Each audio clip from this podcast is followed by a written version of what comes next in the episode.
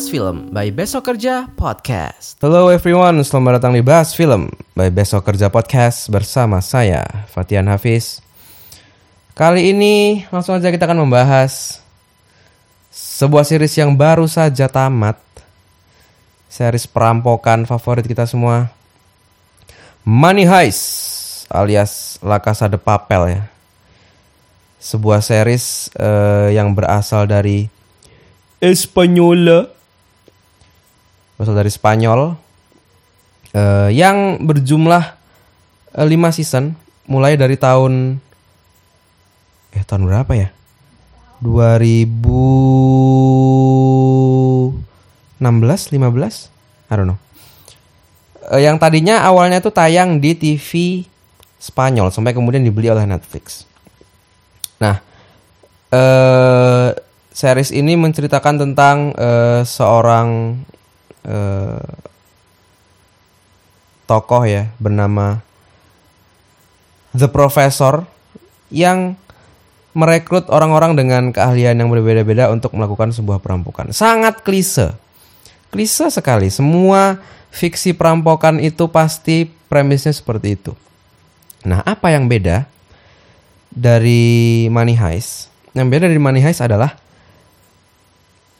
eh, bagaimana mereka mendeliver perampokan itu menjadi suatu kegiatan yang you know kita nggak nggak nggak mempertanyakan how real it is karena memang sangat eh, mendetail. Bayangin ya. Eh, kan mereka melakukan perampokan itu sebenarnya ada dua kali kan. Yang pertama itu waktu mereka ngerampok eh, tempat percetakan uang yang kemudian mereka nyetak uang di situ. Nah, setelah itu berhasil di season 1 dan 2, baru di season 3, 4, 5 mereka ngerampok emas di Bank Spanyol. Nah, ketika fiksi-fiksi perampokan lain itu menyelesaikan perampokan dalam satu film, si gengnya Money Heist itu ngerampok tapi bisa sampai dua season. Sebenarnya eh, satu season sebenarnya yang yang waktu mereka ngerampok di eh, percetakan uang sebetulnya. Tapi ketika dibeli sama Netflix itu akhirnya dibuat eh, dua season. Dan bayangin orang yang nonton perampokan dan waktu lagi tegang-tegangnya tiba-tiba berakhir dan harus nunggu tahun depan gitu. Bangsat. Tapi ketika eh, series ini pertama kali tayang di Spanyol sebetulnya tidak terlalu hype sebetulnya bahkan cenderung negatif. Nggak tahu kenapa ya karena mungkin apakah Spanyol lebih suka dengan romansa romansa telenovela? Eh eh apa tuh? Telenovela yang Marimar Soto mi bakso. Apakah Spanyol masih eh, suka dengan genre itu? Nggak tahu juga ya. Tapi ketika series ini worldwide, uh, gila tuh. Eh, walaupun tadinya ketika ini dibeli sama Netflix, aku sih cukup takut ya. Karena tau lah Netflix kan kalau udah ngomongin duit bisa jadi kayak tai gitu. Karena series yang oke bisa jadi dipanjang-panjangin gitu dan ya you know ketika uangnya ada dan ya Netflix akan memonetisasi. Tapi surprisingly sampai series ini berlanjut ke 3 4 5 series ini tidak kehilangan eh, nilai aslinya. Yaitu bagaimana eh, sebuah perampokan itu dirancang sedemikian rupa sampai memikirkan semua detail-detail terkecil dan ya gitu dan bedanya dengan fiksi perampokan lainnya aku tuh suka banget sama storytellingnya yang maju mundur. Jadi kan inget kan waktu di per- season waktu kali pertama? Di season 1 episode paling pertama. Nah itu tuh langsung ditunjukin mereka lagi pakai topeng dan di dalam truk lalu keluar bawa senjata gitu kayak anjir ini baru kita akhirnya bertanya-tanya nih siapa? Orang lagi ngapain dan kenapa? Nah baru akhirnya di flashback. Baru dikasih tahu bahwa profesor ngerekrut orang satu-satu kemudian mereka dikuliahin dijelasin semua rencananya dan bla bla bla. Dan sepanjang perampokan itu terjadi masih sama jadi nanti ya lagi perampokan terus tiba-tiba ketika shit happens terus tiba-tiba flashback kayak jelasin anjing ternyata mereka punya plan A punya plan B. It's aduh nggak tahu ya. Bagus banget. Eh sangat sulit di compare dengan fiksi-fiksi perampokan lainnya. Name it mulai dari ya yang yang legendaris lah Ocean's Eleven satu dua tiga. Terus eh, Italian Job siapa lagi ya perampokan Den of Thieves Army of Thieves yang baru ya. Terus apa lagi? Perampokan perampokan. Apa lagi ya? Ya you name it lah. Money Heist itu punya nilainya sendiri. Walaupun ya walaupun made in Spain tapi kompleksitas yang disajikan itu bikin ya bikin kita percaya aja gitu. Nggak ada tuh eh, apa namanya teknologi yang high tech high tech banget gitu kayak kayak yang di Now You misalnya. Walaupun Now You pun seru dengan dengan eh, ciri karakteristiknya sendiri pun seru tapi gimana kita bisa percaya dengan eh, semua rencana perampokan yang dibuat oleh The Professor dan juga ya Berlin dan Palermo di season 345. Walaupun memang eh, tetap ada hal yang mengganggu sebetulnya dari eh, Money Heist ini dengan dengan semua kesempurnaannya ya. Memang, memang, memang Anda pasti semua setuju bahwa memang drama percintaannya si Tokyo dan Rio itu memang sangat mengganggu sebetulnya. Tapi it's necessary. Kenapa? Karena kalau karena kalau misalnya drama percintaan ini nggak ada, eh jadi less problem gitu. Eh banyak masalah-masalah yang tadinya eh, harusnya ada dan bikin geng ini repot dan bingung dan apa, akhirnya jadi eh, jadi ada gitu karena kegoblokannya si Rio dan Tokyo. Even nah eh, satu-satunya season di mana tidak ada kegoblokan drama percintaan itu adalah justru di season 5 part 2 ya itu setelah Tokyo mati. Eh sorry ini ini kalian udah nonton yang part 1 kan ya kalau belum nonton salah kalian sendirilah. Nah, di part part 2-nya season 5 itu bener-bener pure ini perampokan eh, bagaimana trik mereka mengelabui tentara-tentara dan polisi-polisi yang ada tanpa ada drama-drama percintaan ada nggak sih nggak ada ya?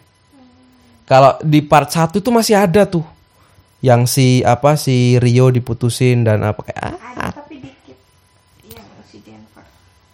Oh iya ada Dan Denver yang akhirnya ah jangan jangan jangan ini spoiler. Eh dan aduh nggak susah ya ngomonginnya karena ini ini kalau misalnya kalian eh pernah hidup di dunia ini dan nggak nonton ini aduh nggak sih nggak nggak kalian harus nonton Money Heist. Apalagi kalau misalnya kalian memang eh, cukup menggemari seri-seri eh, perampokan gitu. Kenapa? Karena nggak ada yang lebih bagus dari ini. Nggak ada nggak ada. You name it. Walaupun sebetulnya kalau dilihat ya formulanya Money Heist itu dari season 1 sampai 5 itu berulang. Formula selalu berulang. Jadi yang kayak udah aku jelasin di awal tadi eh si profesor eh jadi otak perampokan terus kemudian mereka merampok merampok merampok dan kemudian ada masalah. Nah ketika masalah terjadi tiba-tiba flashback dan ternyata mereka punya rencana yang sudah eh men- apa yang bisa menanggulangi masalah itu.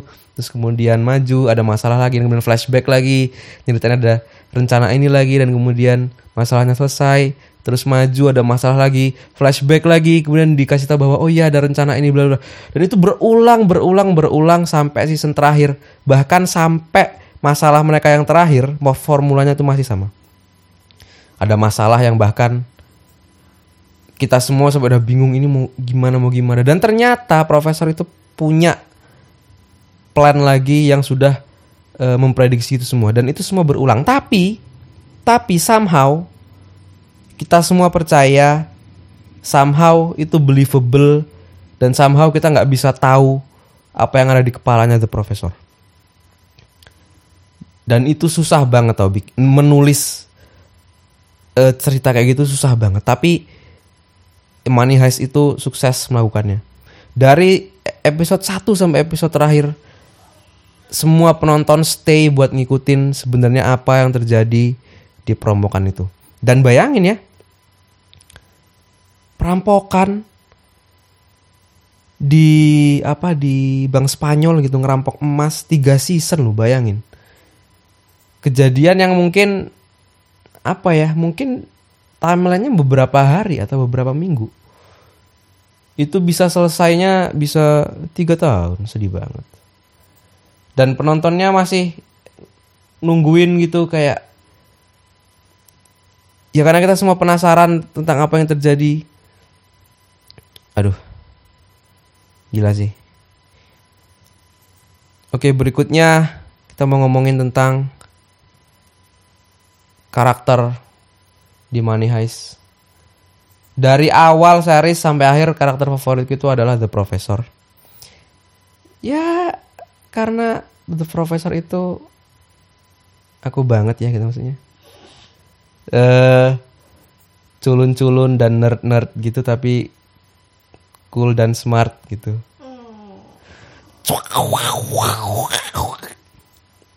Eh enggak serius.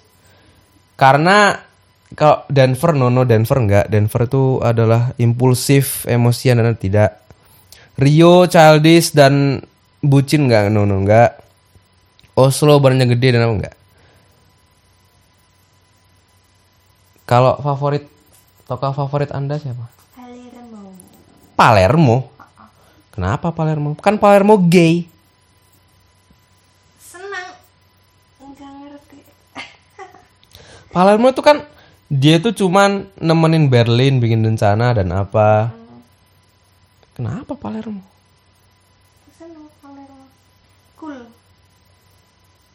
Oh ya, ya Palermo itu dia bisa mengambil keputusan di saat genting dan cukup ya cukup oke ya banyak membantu eh, apa namanya perampokan itu. Eh Oke lah, eh, kita masuk ke spoiler konten. Jadi kalau anda belum menonton eh, part kedua dari season kelima Money Heist, silahkan meninggalkan podcast ini nanti balik lagi kalau udah nonton. Kita akan membahas eh, penutupan dari series ini. Sebetulnya eh aku tuh udah nulis, bukan nulis sih, udah membayangkan sebenarnya ada ada sekitar 4 atau 5 skenario gitu bagaimana series ini berakhir. Dan satu dan satu match. Enggak enggak enggak 100% match tapi sangat mendekati. Kalau di series itu kan dijelasin bahwa ya aku udah menduga kalau si Sierra itu bakal gabung ke geng perampokannya. Oke, sebelum kita ke situ, sebenarnya ada satu hal yang mengganggu di uh, Money Heist, yaitu waktu ketika The Professor ngerekrut eh si ibu-ibu polisi siapa namanya? Sierra. Kok sih? Bukan. Polisi. Eh yang pertama yang Ra- Raquel, Raquel, Oh, Lis, Lisbon. Lisbon. Itu kan dia ngerekrut Lisbon dengan speech bahwa iya eh, perekonomian di negara ini dan bla bla bla bla bla dan somehow Lisbon percaya aja dan akhirnya gabung ke geng profesor. Nah, ketika profesor itu ngerekrut Alicia, dia tuh bener-bener bener-bener mengobrak-abrik pendiriannya. Kayak dia bener-bener sentuh eh hatinya. Si Sierra itu bagaimana dia memahami bahwa iya nih oh, ini seorang ibu yang kehilangan suami dan apa namanya dia bingung dengan hidupnya dan apa. Dan The Professor sangat memahami itu dan that's how Sierra akhirnya gabung sampai akhirnya bener-bener loyal sama The Professor itu.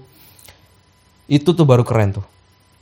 Nah, waktu ketika Profesor ngerekrut Raquel agak kurang aja, agak, agak kurang believable. Tapi this time ceritanya improve dan keren.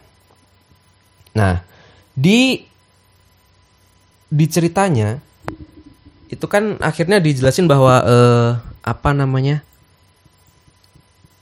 Ya semuanya ketangkep, semuanya ketangkep dan bla bla bla bla.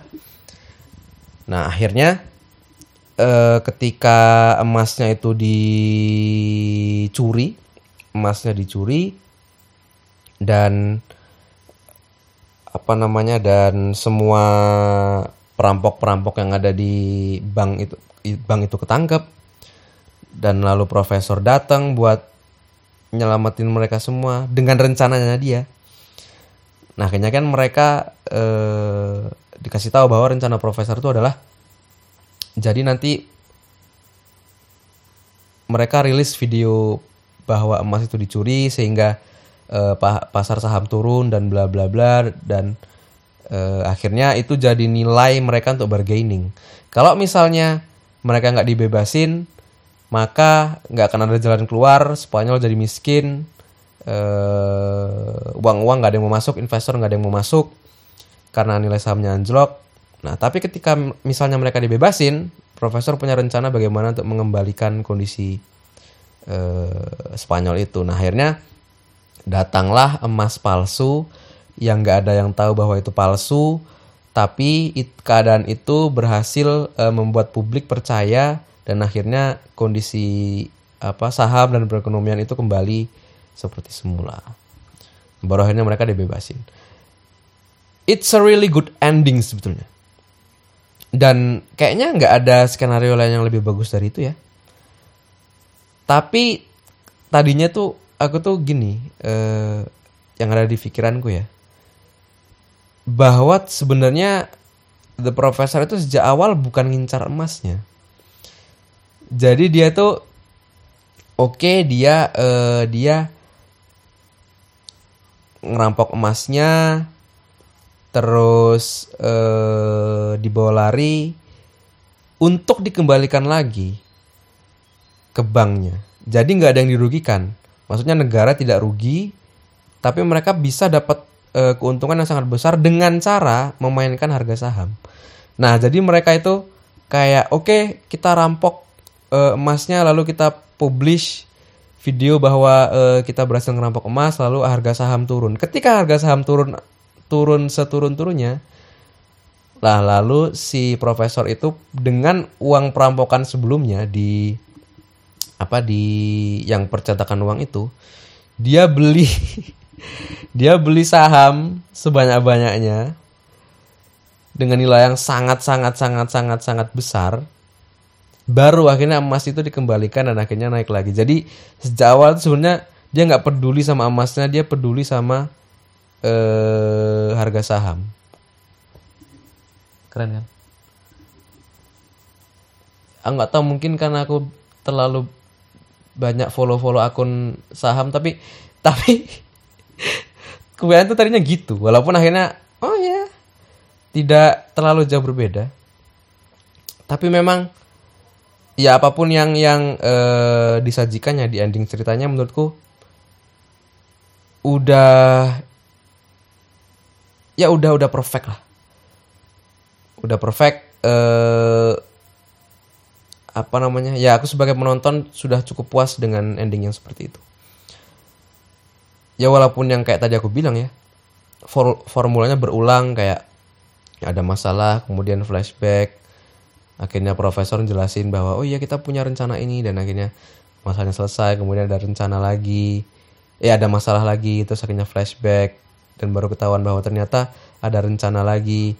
Dan itu berulang-ulang-ulang tapi it just it fits it it fits perfectly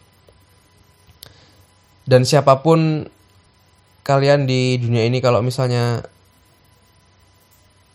belum nonton series ini please tonton sekarang juga karena eh, saya sebagai apa ya? Aku tuh udah hampir nonton semua film-film tentang heist. Sampai bingung nyarinya lagi. Tapi aku berha- eh, aku berani bilang bahwa Money Heist atau La Casa de Papel adalah fiksi perampokan terbaik pada masanya ya. Bukan pada masanya, sepanjang masa kali. Dan susah banget ngalahinnya, susah, susah banget nggak tahu. Nggak tahu ngalahinnya gimana. Karena semua yang berhubungan dengan perampokan itu dikeluarin di sini, disajikan di sini. Semua kompleksitasnya, semua drama-dramanya, semua action-actionnya dikeluarin di sini dan dah. Siapa pun nanti sineas Hollywood atau eh, negara mana pun yang mau bikin perampokan udahlah. Benchmarknya sudah ketinggian. Ketinggian. Jadi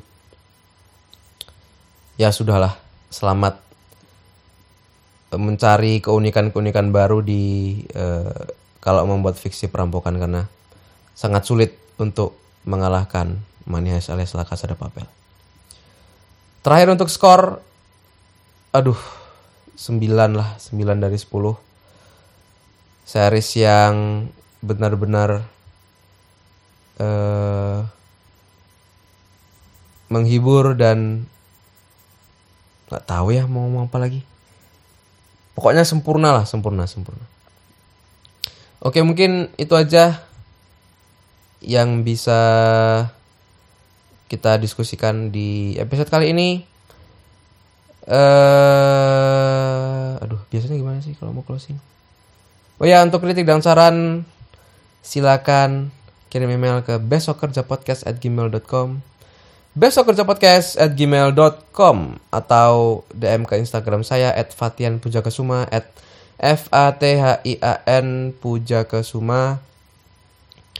Itu aja untuk episode kali ini. Sampai jumpa di episode selanjutnya. Fatian Hafiz signing out.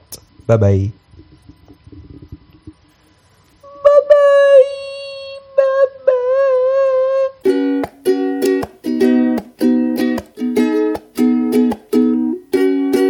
Bahas Film by Besok Kerja Podcast.